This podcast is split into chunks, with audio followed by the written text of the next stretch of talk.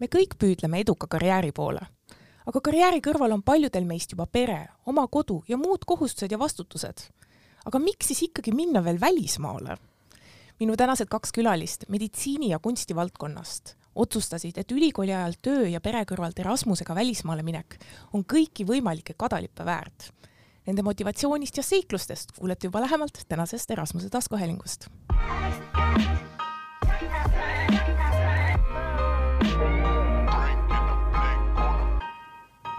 Tere tulemast Erasmus plussi Euroopa Solidaarsuskorpuse taskuhäälingusse. minu nimi on Sabina Sägi ja täna on minuga stuudios kaks endist Erasmuslast, intensiivõenduse magister Liina Ilves ja dramaturg Piret Jaaks. tere teile! tere! tere! aga alustaks äkki sinuga, Liina. sina ei käinud mitte ainult ühe korra, vaid kohe kaks korda Erasmusega väljas. kaks tuhat üheksateist siis Belgias ja kaks tuhat kakskümmend Prantsusmaal, kui ma ei eksi. ja samal ajal õppisid Tartu Tervishoiu Kõrgkoolis mm. -hmm miks, miks, miks üldse minna ja miks kohe kaks korda minna Erasmusega? no miks mitte minna, et äh, neid plusse on kindlasti, ongi ainult plussid, mõned miinused ka, aga ähm, kindlasti no esimene kord mulle nii väga meeldis, et siis tahtsin teist korda ka minna, et äh, kasutada võimalust, et äh, praegu kooli, ähm, pärast kooli lõppu enam sellist võimalust ei ole, et tahtsin ära kasutada. kas kool oli väga toetav, kas nad tulid ise, et tulge, minge, noored, et Erasmus on põnev? või nad ütlesid, et noh, kui väga peab, siis võite ka seda Erasmust teha, aga muidu õppige siin ikka oma asju? Äh, ei, et kooli poolt oli igati toetus. Ähm,, alati sai nõu küsida, kui milleski vaja oli ja tegelikult kandideerimise protsess ei olnud raske, et ähm, no nii lihtne kohe, et mõlemad korrad sai, said mindud jah, et võib-olla ainult see dokumentatsiooni täitmine oli äh, kõige nagu tüütum osa selle juures, aga eesmärgi nimel. kõik, kõike peab tegema eesmärgi, eesmärgi nimel. Piret, sina käisid Helsingis kaks tuhat kakskümmend, kakskümmend üks ähm, õppeaastal siis äh, samal ajal, kui sa olid äh, doktorant ähm, Eesti Muusika- ja Teatriakadeemias. just sa, sa olid enne õppinud Tartus bakalaureuse, äh, tollal sa ei käinud, et mis, mis oli see ajendus, et nüüd, kui, kui ma veel õpin, siis nüüd ma lähen ka Erasmusega välja, et miks, miks mitte siis, miks nüüd? see on tõesti väga hea küsimus, sellepärast et ma jäin väga kahetsema seda, et ma tookord ei käinud ja siis oligi, et kui ma doktorantuuri astusin, siis ma hakkasin üpris kähku uurima, et mis võimalused on minna kuhu, kuhu, kuhu siit saab minna nüüd kuhu siit saab minna, just nimelt, ma tahtsin kindlasti, et oleks väga hea ülikool ja kuna mul on pere, siis ma ei tahtnud väga kaugele minna mm, -hmm. et ma saaksin ikkagi võimalikult hõlpsasti Eestis käia. ja siis äh, oligi see, et äh, ma isegi vist ei mõelnud väga palju teiste fondide peale, vaid ma mõtlesin üpris kohe Erasmuse peale. ja kuidas sinul oli, kuidas EMTA oli, kas nemad olid toetavad, oli see lihtne seda oma õpingute sisse äh, nagu punuda või, või kuidas see sinu kogemus oli? jaa, EMTA poolne tugi oli küll väga hea selles mõttes, et äh, minul noh, humanitaarina on sellest dokumentatsioonist ikka väga keeruline läbi ennast mm -hmm. kaevata, et ma võtsin endale niimoodi, et ma tegin umbes päeva vabaks mm -hmm. ja siis lihtsalt lugesin ja lugesin ja lugesin ja kui midagi jäi selgusetuks, ma jälle kirjutasin EMTA-sse Erasmuse koordinaatorile, jälle põrgatasime neid meile ja arutasime neid küsimusi ja ja siis niimoodi see selgus saabus. nii et me tervitame siinkohal kõiki Erasmuse koordinaatoreid Eesti kõrgharidusasutustes, kes teevad, kes teevad rasket tööd, et inimestele põnevaid pakkumisi ähm, edastada ja, ja kogemusi pakkuda ähm,. Piret, sina oled nagunii selles mõttes, nii palju kui ma uurisin, hästi-hästi aktiivne, et noh, ma leidsin sind Teeme Ära juurest ja, ja ka muidu ähm, etenduste juurest, et üks asi on see, et sa jäid kahetsema võib-olla õpingute ajal, aga nüüd võib-olla mõni vaataks kõrvalt, et minema peab, kui oled noor ja kui on, pole vastutusi, aga samas sul on juba nii põnevad karjääri niisugused küljed avardunud, et, et kuidas see karjääri poole pealt sinu jaoks tähtis oli? no selles mõttes oli, et äh, kindlasti tahtsin saada uusi kontakte mm -hmm. ja kuna Helsingi Teatriakadeemia on lihtsalt äh, äh nii-öelda loov, loomuurimuses või loovuurimuses üks maailma parimaid ülikoole, siis mul oli üpris kindel soov, et ma saaksin tegelikult ka neid teadmisi iseenda jaoks mm -hmm. just nimelt, et kuidas ennast selles valdkonnas edasi arendada. et selles mõttes oli väga tähtis ja ja Liina, sinu jaoks võib-olla, kui inimene mõtleb intensiivõendus, noh, patsiente on ju üle maailma, aga siin Eestis on ka kindlasti haigeid, mis kõlab kuidagi julmalt seda niimoodi öelda, aga aga miks on, miks on meditsiinivaldkonnas oluline ka käia välismaal või kasutada selliseid praktika või, või, või väliskogemuse võimalusi? no Eestis äh, ma saan õena töötada elu lõpuni, aga sellist ajaakent, et keegi annaks mulle kaks kuud, et äh, mine ja maksame peale ka, et äh, et seda ära kasutada, aga mm, mis küsimus oli? et, et põhimõtteliselt, et patsiente on ju, on ju üle maailma, on Eestis ka, et, et miks on just nagu meditsiinivaldkonnas oluline minek? mulle eriti meeldis mu teine praktika, kui ma käisin Toulouse'is Prantsusmaal, et ma tegin anesteesiaõe tööd sealsama, mida ma teen Eestis, aga siis ma nägingi nagu sarnasusi ja erinevusi, et mulle äh, see väga meeldis. võib-olla kui inimesed ei tea, sa paned siis inimesi magama või? just, jah, ja jälgin, et nad elus oleks opi ajal nii et, et kõik, kõik on siis, et, et kui sinu silmi nähakse siis viimasena, kui, kui magama minnakse mm -hmm. operatsioonilaual mm. -hmm aga võib-olla üks asi, mida, mida tahaksime nagu noh, inimesed, inimesed mõtlevad, et jaa, kindlasti, et see ei ole ju ka küsimuse all, et Erasmus pakub midagi selliseid pehmeid kogemusi ähm,, iseseisvust paljudele noortele, sellist enese, enese kehtestamist, hakkama saamist, aga need praktilised asjad töö ja pere kõrvalt, seda on võib-olla ühest küljest noh, naiste käest küsida on seda eriti selline, et noh, et nad peavad nagunii kõigega hakkama saama tänapäeva ühiskonnas, aga kuidas sellised praktilised asjad on, kuidas on võimalik töö ja pere kõrvalt tõesti sellist noh, kuud, kahte kuud, kolme kuud ära minna ja, ja sellist kogemust endale sinna sisse paigutada? No minul oli, nagu enne mainisin, väga lihtne, sest mm ma olin Helsingis ja me teame, et Helsingisse sõit on sama kaugel kui Tallinnast Tartusse põhimõtteliselt. kas koroona tegi selle raskemaks? koroona tegi selle töö ja pereelu ühildamise selles mõttes raskeks, et me läksime, kui ma muidu sain Helsingis rohkem kohal olla mm -hmm. enne koroonat, siis koroona tulles oli liikumine väga raskendatud, et oli mingisugune pikem periood, kus põhimõtteliselt ülikool ei lubanudki eriti üliõpilasi üldse enda hoonetesse mm. -hmm siis oli see kohe päris alguses, kui me keegi ei teadnud, mida see haigus teeb mm -hmm. või kui kiiresti ta levib ja kui rohkelt ta levib.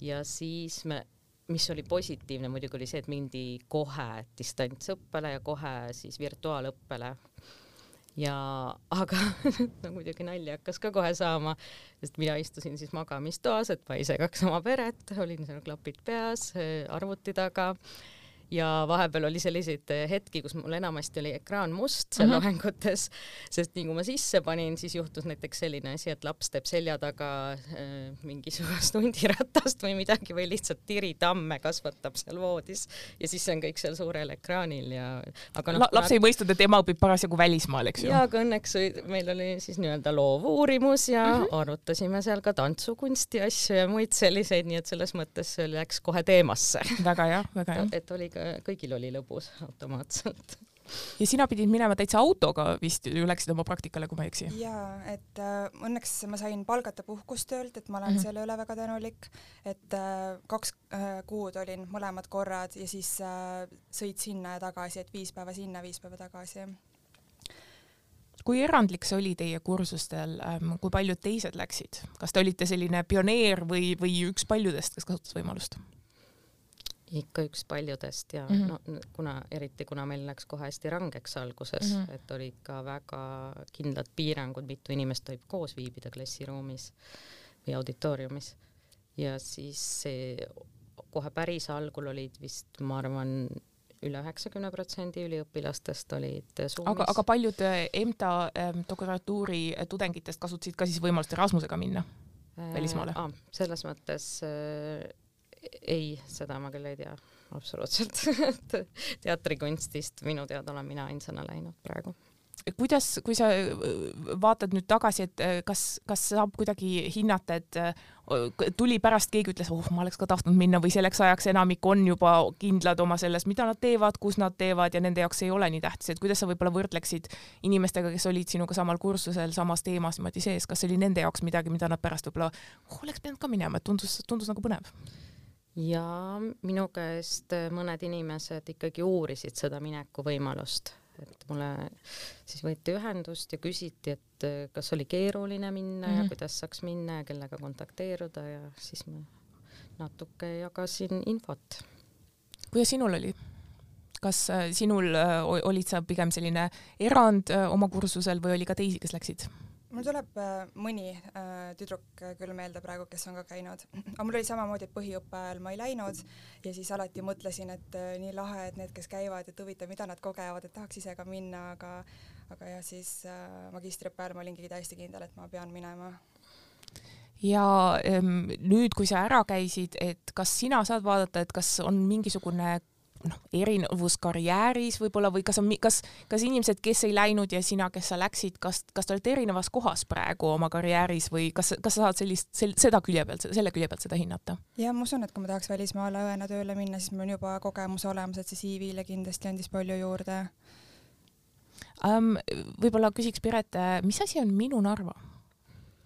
minu Narva on üks teatriprojekt, mida mm -hmm. me mhm. tegime, üks minu lõputöö osa ja see on siis äh, kogukonnateatri projekt mm -hmm. ehk siis äh, me veetsime päris palju aega inimestega, kes elavad Narvas ja olid huvitatud lavastuse tegemisest ning rääkisid enda lugusid sellest, kuidas on Narvas elada mm, -hmm.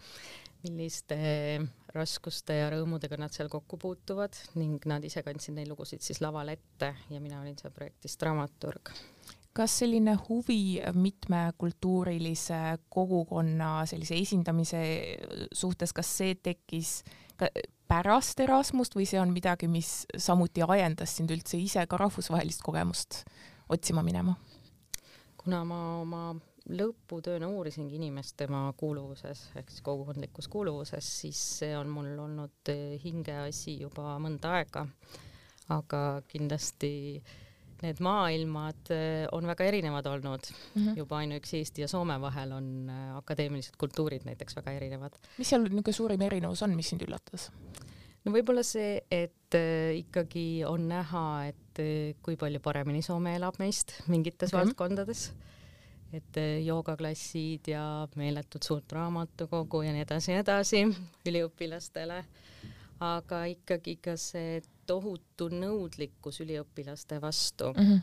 et me Eestis on selline äh, hästi innustav keskkond küll, aga sa pead rohkem nagu ise tegema, ise otsima, ise koostama enda lõputööd, aga seal on selline, et noh, sind suunatakse üpris palju ja sulle antakse hästi-hästi palju materjale ja igaks äh, siis äh, loenguks on vaja mhm. ette valmistada äh, no ma võiks, ma arvan, et ma võin kasutada sõna meeletu hulk äh, ettevalmistustööd on vaja absoluutselt igaks loenguks teha mm. -hmm kuidas sina hindaksid seda noh, kogemust, võib-olla sellised esmased töökogemused sarnases valdkonnas Eestis versus mida sa kogesid praktikatel, et kui palju siin, siin oli sarnasusi, kui palju siin oli erinevusi sinu töövaldkonnas? No esimene kord ma käisin Belgias, olin seal erakorralise meditsiini osakonnas ja kiirabis et äh, seda kogemust mul nii palju ei olnudki, et ma ei olnud äh, varem kunagi töötanud EMO-s, aga praktikal ja põhiõppe ajal olin, aga see oli ammu. aga see on nüüd siis äh, anesteesiaõetööd võrreldes ikkagi ravimid samad, opitoas töö põhimõtteliselt sama, aga ärkamistoas võib-olla siis Prantsusmaal oli see, et rohkem tõsiseid patsiente hoiti ärkamistoas, et mitte ei viidud intensiivi mm -hmm. nagu Eestis. aga samas jällegi Prantsusmaal anesteesiaõed õpivad äh, kaks aastat äh, anesteesiaõeks, et äh, siin lihtsalt me omandame nagu töökoge-, noh, väljaõppe koha peal kuidas keeleoskusega oli, sest ma kujutan ette, et kui inimene ärkab operatsioonilt ja sa ütled talle tere, kuidas läheb võõras riigis, siis see võib segadust tekitada rohkem kui, kui need ravimid, mida anti. ja õnneks ma prantsuse keelt oskan äh, suhtlustasandil, et kindlasti need mõlemad praktikad ka aitasid mul edendada keeleoskust ja sellepärast need riigid ma valisin ka, et ikkagi mm -hmm. maksimumi võtta, et äh, praktika, keel, autoga sinna, palju reisida, et äh, kõigest maksimumi. Kuidas sina näed seda vajadust äh, kogemuse järele noh, mitme võib-olla erinevate kultuuriliste taustadega patsientide osas, sest Eestis äh, enne, seda tööd siin ma töötasin äh, startup ides ja seal oli tihti kolleegidel ka probleeme, et äh, leida noh, juba võõrkeeli oskavaid ja sellest mugavaid, äh, ennast mugavalt tundvaid meditsiinitöötajaid, et ka, kas sa näed, et, et Eesti meditsiinitöötajatel on see kasulik et nad saaksid sellise või, või, või arvad sa, et noh, in, inimene, inimkeha on enamasti sama, piisab kui sellest, kui, kui Eestis õpid ja Eestis, Eestis äh, praktiseerid?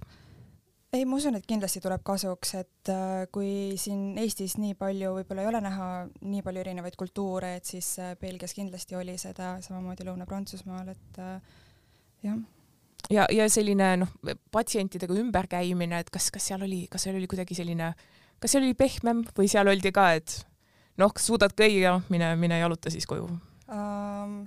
mis mulle praegu meelde tuli, et Prantsusmaal oli see meeskonnatöö hästi-hästi kokkuhoidev, et kõik aitasid kõiki, et see mm -hmm. mulle väga meeldis ja selle kindlasti võtsin üle sealt. aga patsiendiga, ma arvan, et igal pool ikka patsient on kõige kesk, kesk, kesksel kohal, kõige kesksemal kohal mm, -hmm. nii et äh, see on igal pool sama, ma usun. mis oli ähm, kõige meeldejäävam kogemus, kui vaadata tagasi Erasmus teie jaoks? Ma arvan, et see fakt ise, et sai üldse minna mm -hmm. ja sellises ülikoolis üldse õppida, et see oligi kõige meeldejäävam kogemus, et lihtsalt see rikastas mu enda teadmiste pagasit, ma arvan, et nagu noh, viiekümneprotsendiliselt küll, lihtsalt see oli noh, niivõrd teistsugune kõik, mida ma kogesin. kas see vastas ootustele? Või see..., või ka milliste ootustega sa läksid võib-olla Erasmuse pidi?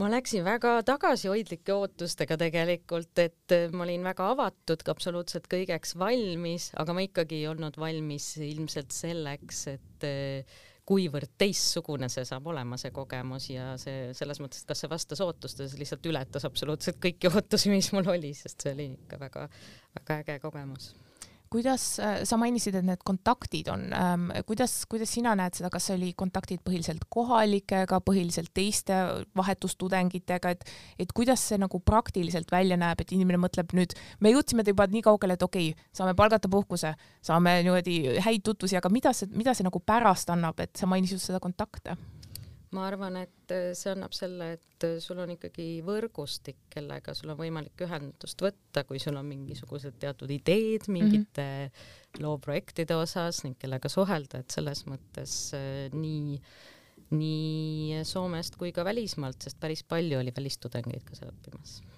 kuidas sinu puhul? ja mulle väga meeldis see, et sai tutvuda nii palju erinevate inimeste ja kultuuridega, et äh, mis, mis riikides seal kõige rohkem võib-olla esindatud äh, inimesi oli mm.? ei teagi, ma ei mäleta, keeruline öelda. ei no äh, seal, äh, aga mis mulle ka väga meeldis, sa kirjutasid kuskil, et sa said seal kingituseks neid prantsuse lilleseemneid mm. -hmm. kas need läksid siis lõpuks idanema meil siin? jaa, ikka läksid, ikka läksid. nii et, et värvilised. oo, just ma tahtsingi küsida, et mis sellest lõpuks välja tuli? Ja ma panin potti, et äh, olid küll ilusad lilled ja.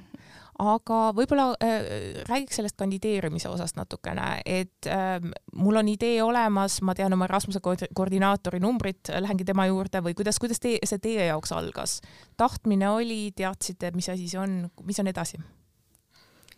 Äh, jah, see nii algabki, et on, kõigepealt on tahtmine ja selle ülikooli väljavalimine ja siis. kas teil oli palju valikut?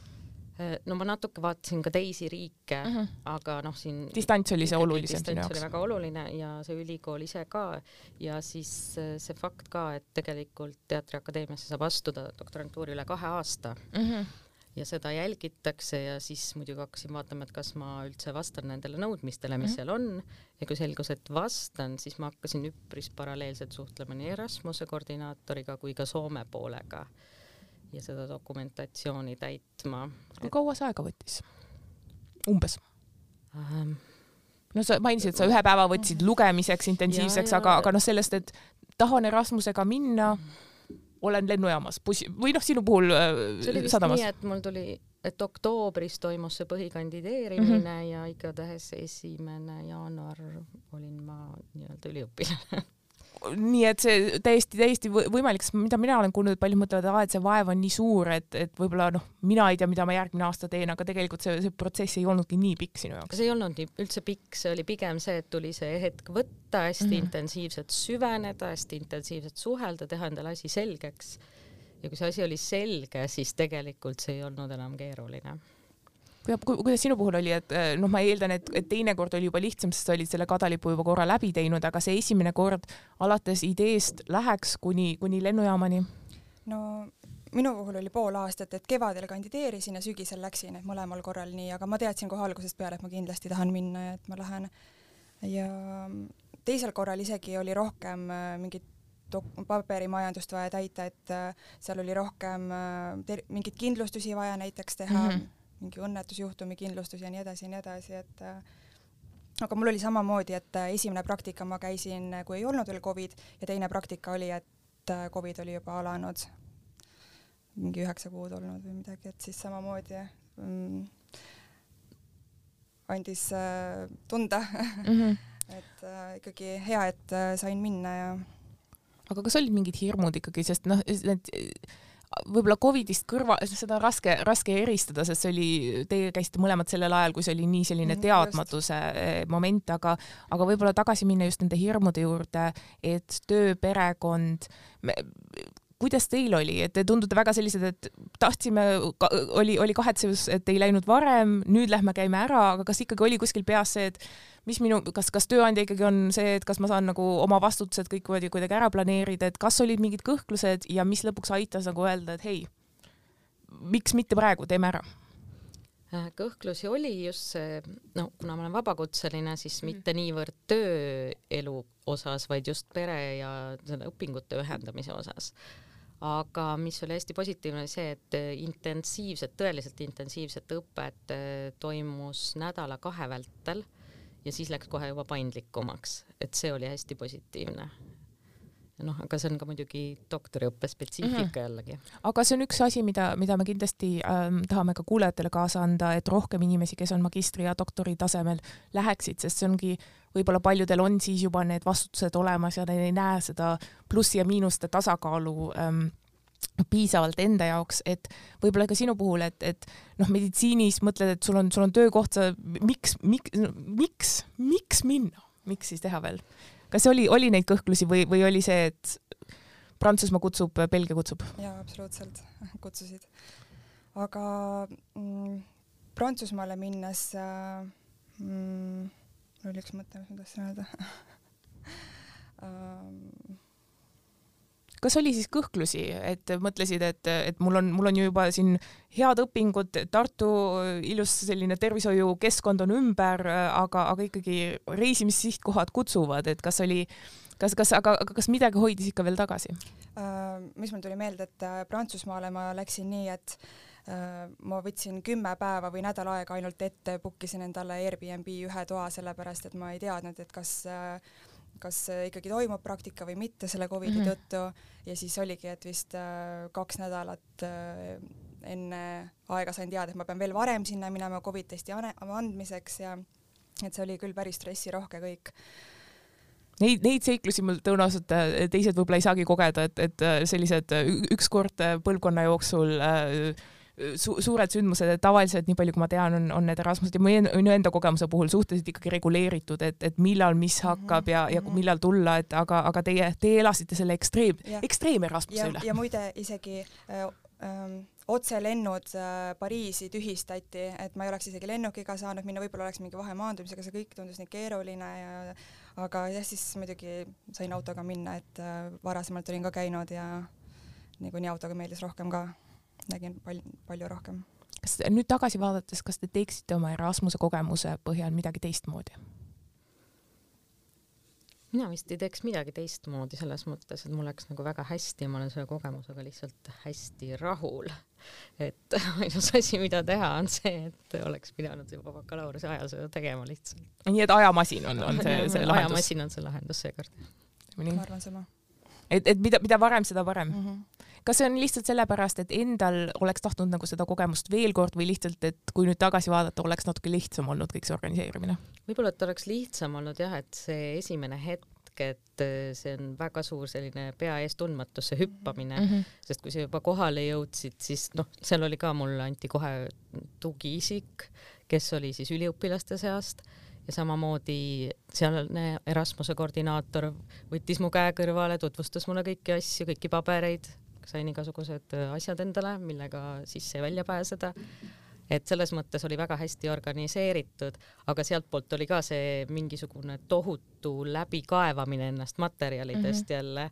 aga noh, ma arvan, et see oleks võib-olla tõesti kogemusena olnud lihtsam aga teisalt jällegi see käib asja juurde ja, ja, ja tuleb lihtsalt ära teha. vahel, vahel on ka see, et mingi hetk võib-olla ei olnud lihtsalt see õige moment elus, et, et kui ma ise vaatan, et, et mina käisin, siis ma olin kakskümmend üks, et võib-olla kui ma kaheksateist oleksin olnud, siis ma ei olekski valmis olnud seda viimast võtma sellest kogemusest. et see on ka alati selline, selline imelik äh, asi, et, et mille, millal keegi on valmis selliseks välismaa kogemuseks. seda küll jah, et mis need prioriteedid ka seal Erasmusel on, et, et kui palju sa naudid seda seltskonnaelu seal ja kui palju sa võtad õppimisest välja, et see on näiteks doktoriõppes on väga palju enda reguleerida, et mm -hmm. kui mhm. mina läksin, siis ma ikkagi võtsin absoluutselt kõik ained, mida sai võtta just noh, mis mõttes ma tegin muidugi ka enda elu väga raskeks, et mul olid väga pikad päevad mm, -hmm. aga jällegi ma tundsin, et noh, et see rikastab nii tohutult minu teadmiste pagasit ja seda kogemust ennast, et kui ma seda ei tee, siis võib-olla ma kunagi ei saa neid kõiki asju jällegi ja ma arvan, et, et äh, igas äh,, peaaegu põhimõtteliselt igas ähm, äh, Eesti kõrgharidusasutuses on Erasmuse koordinaator olemas, et äh, kindlasti saab kodulehelt abi, kui äh, te õpite praegu, kui kuulaja õpib praegu kuskil ja ei tea täpselt, kes see inimene on, kelle juurde minna. ja äh, hädajuhul saab alati võtta ühendust äh, Erasmus plussi Euroopa Solidaarsuskorpusega äh, ja meilt küsida, kelle juurde täpsemalt minna. kas teil on veel viimane selline äh, teele kaasaandmine võib-olla just nendele inimestele, kellel, kellel on, kes ei ole võib-olla just, just kaheksateist saanud ja, ja kellel kõik on maailm valla, vaid kellel on võib-olla juba natukene vastutust äh, kõrval, et Erasmus, nende jaoks pigem mitte, mida te tee peale kaasa annaksite?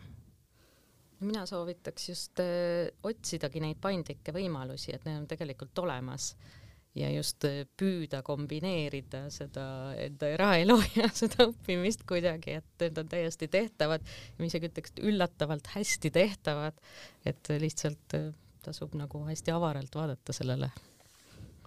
mida sina arvad, on, on sul veel sellised, selline tera kaasa anda oma kogemuste põhjal? Mm, jaa, mm, et äh, võib-olla siis äh, mõtle kastist välja väga õige, Erasmus, see ongi võib-olla see järgmine, järgmine asi, mida panna meile pastakate peale, mõtle kastist välja. see on äh, väga hea äh, lõpulause ja, ja nagu ma tõesti, ma mõtlesin seda, seda tõsiselt, te, te läbisite ikka selle Erasmuse ekstreemsema versiooni Covidi ajal, aga äh, kindlasti ähm, on, on see midagi, mida, mis tuleb nüüd veel aktiivsemalt ja ähm, veebis õppimine oli omamoodi hea, aga me oleme kõik võib-olla õnnelikud, et, et on rohkem võimalust jälle kohapeal asju teha, nii et kasutage julget võimalust aga aitäh minu tänastele külalistele! Erasmus pluss Euroopa Solidaarsuskorpuse agentuuri tegemistega saate end kursis hoida just selle nime all Facebookis, lisaks ka Instagramis Erasmuse lood ning euroopanoored.eu kontode kaudu. agentuuri ja Haridus- ja Noorteameti poolt aitäh ja peatse kuulamiseni!